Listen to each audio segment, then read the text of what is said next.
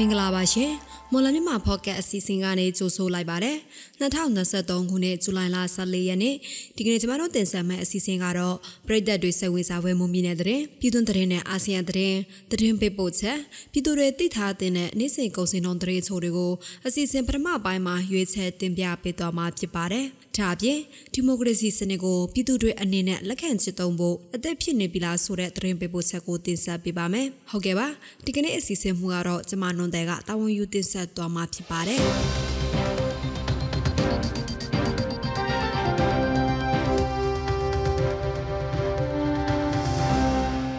အဦးဆုံးသတင်းသဘောအနေနဲ့သက်ဆိုင်ရာမြို့နယ်အထွေထွေအုပ်ချုပ်ရေးဦးစီးဌာနရဲ့ညွှန်ကြားချက်ကြောင့်မွန်ပြည်နယ်မြို့နယ်အသီးသီးရှိမွန်ညညွတ်ရေးပါတီရဲ့ရက်ကျေပါတီရုံးဆိုင်ပုံတွေကိုဇူလိုင်လ10ရက်နေ့ကစပြီးဖြုတ်ချထားရတယ်လို့အင်္ဂလိပ်ဘာသာနဲ့ရေးသားထားတဲ့မွန်ပြည်လူအခွင့်အရေးဖောင်ဒေးရှင်းဟာဖော်အွန်လိုင်းစာမျက်နှာမှာဖော်ပြထားပါတယ်။ ပါတီဆိုင်ပေါဖြုတ်ချဖို့ပြည်ထောင်စုရွေးကောက်ပွဲကော်မရှင်ဟာတိကျညွှန်ကြားလာတာမဟုတ်ပဲအထွေထွေအုပ်ချုပ်ရေးဦးစီးဌာနကသာအမိုက်ပေးလာတာဖြစ်တယ်လို့မွန်ညညွတ်ရဲ့ပါတီဗဟိုအလုပ်မှုဆောင်ကော်မတီဝင်တဦးရဲ့ပြောဆိုချက်ကိုကိုးကားပြီးဟာဖော်ကဖော်ပြထားတာဖြစ်ပါတယ်။ ဆိုင်မုတ်ဖြုတ်ချရတာဟာမွညညွတ်ရေးပါတီတစ်ခုတည်းမဟုတ်ပဲနိုင်ငံရေးပါတီအလုံးရဲ့ရက်ကျေအစစ်ဆိုင်မုတ်တွေဖြုတ်ချထားရတယ်လို့သိရပါတယ်။ဆိုင်မုတ်ဖြုတ်ချခဲ့ရခြင်းဟာထူးခြားဖြစ်စဉ်မဟုတ်ဘူးလို့ဖို့အစစ်ကပြောကြားနေပေမဲ့အောက်ခြေပါတီဝင်များကတော့လှုပ်ဆောင်ခဲ့ရခြင်းအတွက်စိတ်မသက်မသာဖြစ်နေတယ်လို့ဟာဖုံးစာမျက်နှာမှာဖော်ပြရေးသားထားပါတယ်ရှင်။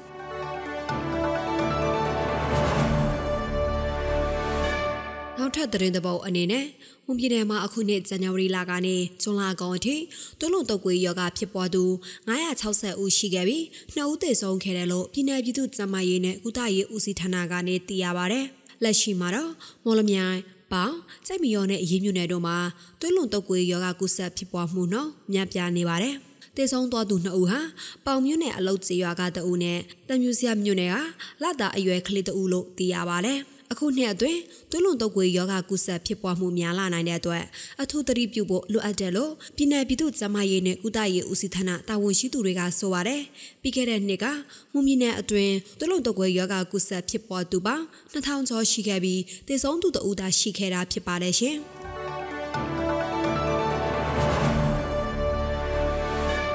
နောက်ထပ်သတင်းသဘောအနေနဲ့နိုင်ငံခြားငွေဝယ်ယူရောင်းချလဲလှယ်ခွင့်လိုင်စင်ရကုမ္ပဏီ၁၀ခုကိုစစ်ကောင်စီရဲ့ဗဟိုဘဏ်ကတနေ့ကလိုင်စင်ရုပ်သိမ်းခဲ့တယ်လို့ထုတ်ပြန်ထားပါတယ်။ ဗဟိုဘဏ်ကထုတ်ပြန်ထားတဲ့အမိန့်နဲ့ညွှန်ကြားချက်တွေကိုလိုက်နာမှုမရှိတာကြောင့်လိုင်စင်ရုပ်သိမ်းလိုက်တဲ့ဆိုပြီးထုတ်ပြန်ချက်မှာဖော်ပြထားပါတယ်။အမှုဆောင်ကော်မတီအစည်းအဝေးဆုံးဖြတ်ချက်အရ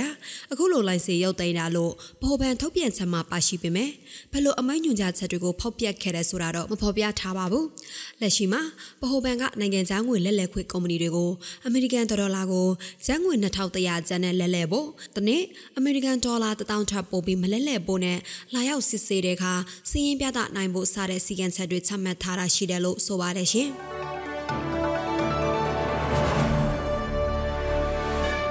နောက်ထပ်သတင်းသဘောအနေနဲ့အခုနှစ်မိုးရသည့်အတွင်းကလေးငယ်တွေမှာဖြစ်ပွားနှုန်းမြင့်နေတဲ့ပြင်းထန်တုပ်ကွေးနဲ့ပြင်းထန်အဆုတ်ရောင်လေပြူရောင်ယောဂကြောင့်အသက်9နှစ်အောက်ကလေးတွေအတွက်ဖွင့်လှစ်ထားတဲ့မူချိုးချောင်း9ခုထပ်မံပိတ်ထားရတယ်လို့ရင်ကောင်မျိုးခံတွေစီကနေသိရပါဗျ။ ဇွန်လကုန်ပိုင်းကစလို့ပြင်းထန်တုပ်ကွေးယောဂါဟာကလေးငယ်တွေမှာဖြစ်ပွားမှုများနေပြီးဆေးရုံဆေးခန်းတွေများလာရောက်ကူတာမှုများပြားနေတယ်လို့ရင်ကုန်မြို့ကမူကျူကျောင်းတချို့လည်းကျောင်းဆက်မဖွေပဲပိတ်ထားကြပါတယ်။တုပ်ကွေးဖြစ်သူတွေမှာအရင်နှစ်တွေကထက်ပြပြင်းထန်ခံစားရနိုင်တာကြောင့်ကျမရဲ့အသိပညာပေးသူတွေကတိုက်တွန်းထားပါတယ်။လက်ရှိပြင်းထန်တုပ်ကွေးယောဂဖြစ်ပေါ်သူအရေးအတွက်နဲ့စစ်ကောင်စီကျမရေးဝန်ကြီးဌာနရဲ့တုံ့ပြန်ဆောင်ရွက်မှုတွေကိုထုတ်ပြန်ပြောဆိုထားတာမရှိသေးပါဘူးရှင်။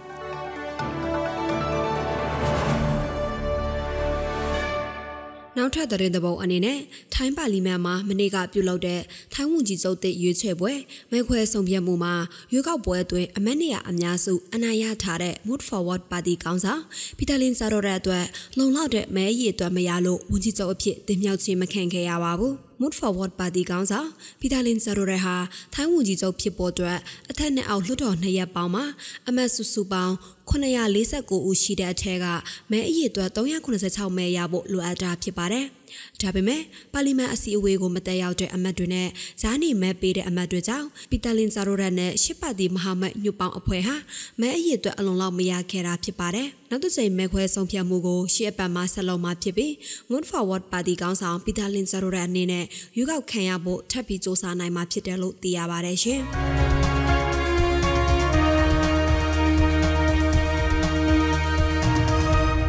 ဆက်လက်ပြီးပြည်သူတွေသိထားတဲ့နေ့စဉ်ကုန်စည်နှုန်းတဲ့အချို့တွေကိုမော်လမြိုင်ကုန်စည်တိုင်းကအချက်လက်တွေကိုအခြေခံပြီးကျမနွန်တဲ့ကတင်ဆက်ပေးပါဦးမယ်။ဒီကနေ့ထိုင်းမြန်မာငွေလဲနှုန်းကတော့ထိုင်းဘတ်88.39ဝယ်ဈေးရှိပြီးတော့ရောင်းဈေးက90.9သိရှိနေပါတယ်။ဒေါ်လာဈေးကတော့အမေရိကန်ဒေါ်လာကိုဝယ်ဈေးမြန်မာငွေ3080ကျပ်ရှိပြီးရောင်းဈေးကတော့3130ကျပ်ရှိနေပါတယ်။ ရွှေဈေးနှုန်းကမီလ16ပဲရေးတစ်စက်သားကိုအပြင်ပေါက်ဈေး32သိန်းဝန်းကျင်မှာရှိနေပါတယ်။73စီတွေကတော့ဒီဇယ်တလီတာကို2150ကျပ်၊အောက်သိန်း92တလီတာကို2130ကျပ်နဲ့65တလီတာကို2255ကျပ်အထိရှိနေပါတယ်။ စံစင်းတော့ကတော့အကောင်းစားပေါ်စံမှု108ပေါင်အမြင့်ဆုံးကို86,500ကျပ်အလလက်တန်းဆန်အမျိုးအစားပေါ်ကျွဲ108ပေါင်အနှိမ့်ဆုံးကို95,500ကျပ်နဲ့အမထဆန်တွေကတော့108ပေါင်အနှိမ့်ဆုံးကို63,000ကျပ်နဲ့အမြင့်ဆုံးကို65,000ကျပ်အထိရှိနေပါတယ်ရှင်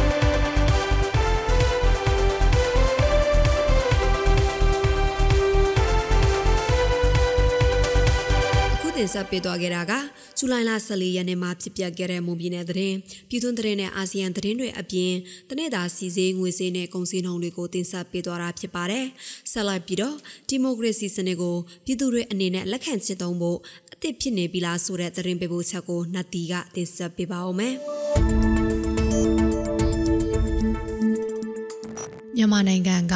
ပြည်သူလူထုများအနေဖြင့်ဒီမိုကရေစီစနစ်ကိုလက်ခံကြည်တုံဖို့အသစ်ဖြစ်နေလားဆိုတဲ့အပေါ်နိုင်ငံရေးအတိုင်းဝိုင်းနဲ့နိုင်ငံတကာတန်တမန်တွေကြားတုံ့တက်ဆွေးနွေးမှုတွေရှိနေပါတယ်။မြန်မာနိုင်ငံမှာဒီမိုကရေစီစနစ်ကိုစတင်ကြည်တုံခဲ့တာဟာနှစ်အနည်းငယ်တာရှိသေးကြောင်းဒီမိုကရေစီရဲ့စံချိန်စံနှုန်းတွေကိုသိရှိလိုက်နိုင်ရန်လိုအပ်သေးတယ်လို့နိုင်ငံရေးသမားတို့ကထောက်ပြပါတယ်။ ပြည်သူများအနေဖြင့်ဒီမိုကရေစီရဲ့စီးမြင့်စည်းကမ်းတွေကိုသိရှိနိုင်ဖို့နိုင်ငံရေးသမားတွေမှာပုံမတာဝန်ရှိတယ်လို့မြန်မာနိုင်ငံရေးလေလာတုံးသက်သူဦးရဲထွန်းကပြောပါတယ်။နိုင်ငံရေးစနစ်တစ်ခုအထူးသဖြင့်အခြေခံဥပဒေပေါ့နော်အခြေခံဥပဒေတစ်ခုကိုဘယ်လိုပုံစံနဲ့အဲကအာဒီပြစ်အနာစာချွင်းရင်ချက်နဲတယ်ဆိုဆိုလိုတာဗျာအဲနောက်မှကွက်ထွက်သွားနိုင်တဲ့အလားအလာပိုများသလား ကွက်ထွက်မှုတဲ့စီးစီးလုံးညီညွတ်မှုကို ပိုအားပြုသလားအဲဘယ်လိုပုံစံနဲ့ ဖြစ်တဲ့တယ်လဲအဲနောက်တစ်ခါဒီ unit တွေပေါ့နော်ပါဝင်တဲ့ unit တွေရဲ့အဲကိုပိုင်အုပ်ချုပ်ခွင့်နဲ့အဲကိုပိုင်ရွေးချယ်ခွင့်ပေါ့နော်ဒီဒီဒီဒီကိုပိုင်အုပ်ချုပ်ခွင့်နဲ့ ကိုပိုင်ရွေးချယ်ခွင့် သူ့အစိုးရကို သူရွေးချယ်ခွင့် စတဲ့ဟာတွေကိုဘလောက်တိုင်းတာထိ ပေးမလဲဆိုတဲ့ဟာတွေက နိုင်ငံရေးကို နားလည်တဲ့အဲဒီ ကျွမ်းကျင်တဲ့ပုဂ္ဂိုလ်များနဲ့နိုင်ငံရေးပါတီတွေပေါ့နော်အဲသူတို့ကပဲဆုံးဖြတ်ကြတာများပါတယ်အဲဆုံးဖြတ်ကြတာများပေါ့အဲ့ဒီဆုံးဖြတ်တဲ့ပါတီအဲ့ဒီဆုံးဖြတ်တဲ့အဖွဲ့အစည်းကိုပြည်သူလူထုကဘလောက်ယုံကြည်တယ်လဲဆိုတဲ့အပေါ်မှာတည်တယ်ပြောချင်တာကတကယ်တမ်းကျတော့အများစုပြည်သူလူထုက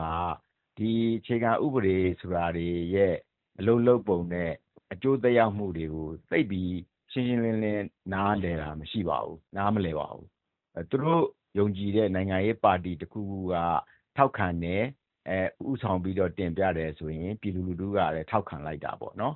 အဲဒါကြောင့်မလို့အဲကျွန်တော်တို့ နိုင်ငံရေးသမားတွေကအာပိုပြီးတာဝန်ရှိတယ်လို့အဲပြောချင်ပါတယ် မြန်မာနိုင်ငံမှာ2010ပြည့်နှစ်မှ စတင်ကဒီမိုကရေစီစနစ်ကိုကြည်တောင်ခဲ့ကြောင်း အဲဒီနောက်2021ခုနှစ်မြန်မာစစ်တပ်ကအာဏာသိမ်းယူခဲ့တာကြောင့်ဒီမိုကရေစီစိတ်တောင်းခဲ့ကြောင်းထောက်ပြမှုတွေရှိနေပါတယ်။ဒါပေမဲ့စစ်ကောင်စီဥက္ကဋ္ဌဗိုလ်ချုပ်မှုကြီးမြောင်လိုင်းကဒီမိုကရေစီကိုအကောင့်ထဲပေါ်ဆောင်ရွက်နေတယ်လို့ပါတီဆောင်ဒီမိုကရေစီစနစ်ကိုကြည်တောင်နေကြောင်းမကြာခဏထုတ်ဖော်ပြောကြားလျက်ရှိပါတယ်။ပြည်သူလူထုအများစုဟာဒီမိုကရေစီရဲ့လိုက်နာရမယ့်စီမင်းတွေကိုမသိရှိသေးဘူးလို့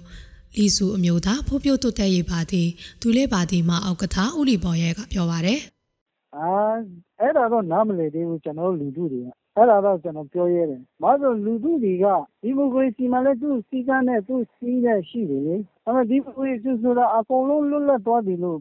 မရဘူးလေ။သူ့စီးတဲ့ကိုကြောင့်သူများဒုက္ခရောက်မဲ့ဟာတွေကိုကြောင့်သူများအနှုတ်ချက်အနောက်ချက်ဟိုဟာဖြစ်သွားတဲ့ဟာတွေက ဒါငါငါလုတ်ပိုင်ခွင့်ရှိတာပဲ။ဟောပြည်သူတူချင်းငါတို့ဒါဒီမိုကရေစီအခွင့်အရေးပဲလူထုကတော့တော့ရှိမှမလို့ဘူးကျွန်တော်နိုင်ငံလူထုကဒီမိုကရေစီကလည်းဟိုရှင်းတော့မဆိုရင်နှုတ်နေတယ်လို့ပဲပြောရမှာနှုတ်နေသေးတော့နေရာတကာမှာအခုမှဟောဖြစ်တော့အကုန်လုံးလုံးလို့ရတယ်သူစီးတယ်မရှိဘူးလို့ပဲဆင်တဲ့ပြည်သူတွေကလည်းအများကြီးကြံနေပြီ နော်2008ဖွဲ့စည်းပုံအခြေခံဥပဒေမှာပါတီဆောင်ဒီမိုကရေစီစနစ်ကိုအခြေခံတဲ့အချက်ထည့်သွင်းထားတာကိုတွေ့ရပါတယ်။ရွေးကောက်ခံကိုယ်စားလှယ်တွေနဲ့လွှတ်တော်တည်တည်ကိုဖွဲ့စည်းကအောက်ချုပ်ရေးအာဏာကိုကြီးတောင်းပိုင်ခွင့်ရှိတာကိုလည်းတွေ့ရပါတယ်။မြန်မာနိုင်ငံမှာပါတီဆောင်ဒီမိုကရေစီစနစ်အရာ2010ဖြစ်နှစ်ထွေထွေရွေးကောက်ပွဲ2012ကြားဖြတ်ရွေးကောက်ပွဲ2015ထွေထွေရွေးကောက်ပွဲ2019ကြားဖြတ်ရွေးကောက်ပွဲ2020ဖြစ်နှစ် အထွေထွေရွေးကောက်ပွဲစသဖြင့်ဖြတ်တန်းခဲ့ပါတယ်ရှင်။